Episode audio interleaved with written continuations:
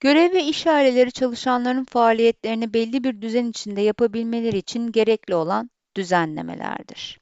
Her zaman çalışanların yetenek ve deneyimlerine uygun görevler verilmesi gerektiğinden bahsederiz. Ama peki görev nedir? Görevi bir kimsenin yapmakta olduğu iş, meslek, yerine getirilmesi gereken ya da üstlenilen iş veya yükümlülük olarak tanımlayabiliriz. Aslında üstlendiğimiz sorumluluklarımızdır. Görevler bir organizasyonun en iyi koşullarla amacına ulaşmasını sağlayan işlerdir. Görevlerde en önemli unsur net bir şekilde tanımlanmış ve koşullarının gri alanlar bırakmayacak derecede açık bir şekilde yazılmış olmasıdır.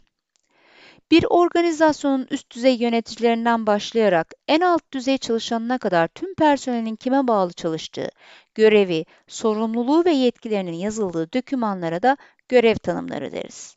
Görev tanımları yazılırken görevin özelliklerini detaylandırmak, doğru sıfatları kullanmak, kişiye değil yapılması gerekene odaklanmak, esnek ve güncel olmasını sağlamak önemlidir. Görev tanımlarında yoruma açık, belirsiz ifadeler kullanılmamalı, jargona yer verilmemeli, tavsiye, öneri verme veya süreçleri yazma gibi hatalardan kaçınılmalıdır. İş ailelerini en basit haliyle şöyle açıklayabiliriz. Gardırobunuzda neler olur genelde? Giyecekler var değil mi? Dolabınıza giyecekleri nasıl koyuyorsunuz? Hepsini dağınık koyabilirsiniz tabii. Tercih sizin. Bunu yapan birçok kişi var. Ama dolaptaki tüm gömleklerinize bakıp da hangi renk gömleğinizin olmadığını öğrenmek istiyorsunuz. Ne yaparsınız?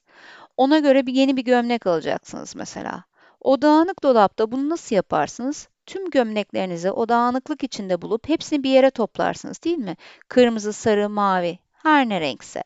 Ya da bunu daha önceden yapar, hiç dolabı karıştırmazsınız. Her bir giyeceğinizi fonksiyonlarına göre ayırırsınız. Her bir giyecek grup ayrı bir amaca hizmet eder. Gömlekleri üstünüze giyeceksiniz.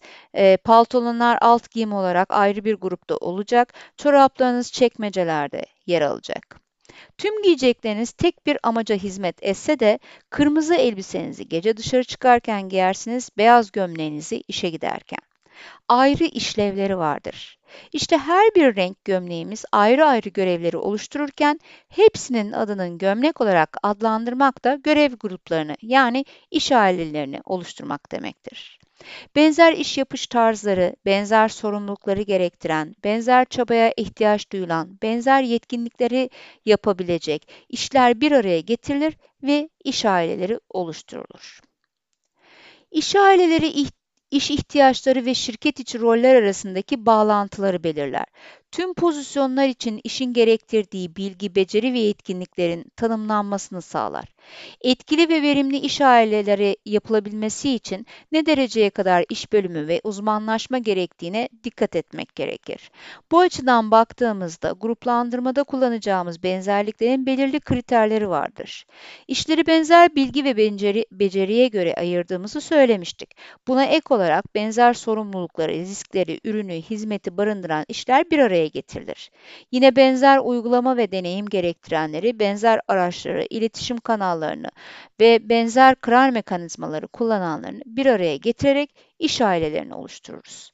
Bu saydığımız kriterlere bakarsanız her iş ailesinin kendi içinde ortak bir e, yapıya sahip olduğunu göreceksiniz.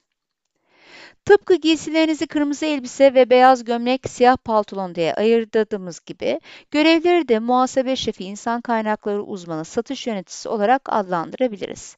Ve giyeceklerimizi nasıl elbiseler, gömlekler ve paltolonlar olarak gruplandırıyorsak, görevleri de muhasebe ve finans, insan kaynakları, satış, pazarlama şeklinde gruplandırabiliriz. Evet, görevlerde renkler, kullanım yerleri gibi kriterler yok ama benzer iş yapış tarzları, benzer çabalar, benzer sorumluluklar ve benzer yetkinlikler var ve görevleri bu kriterlere göre gruplandırırız.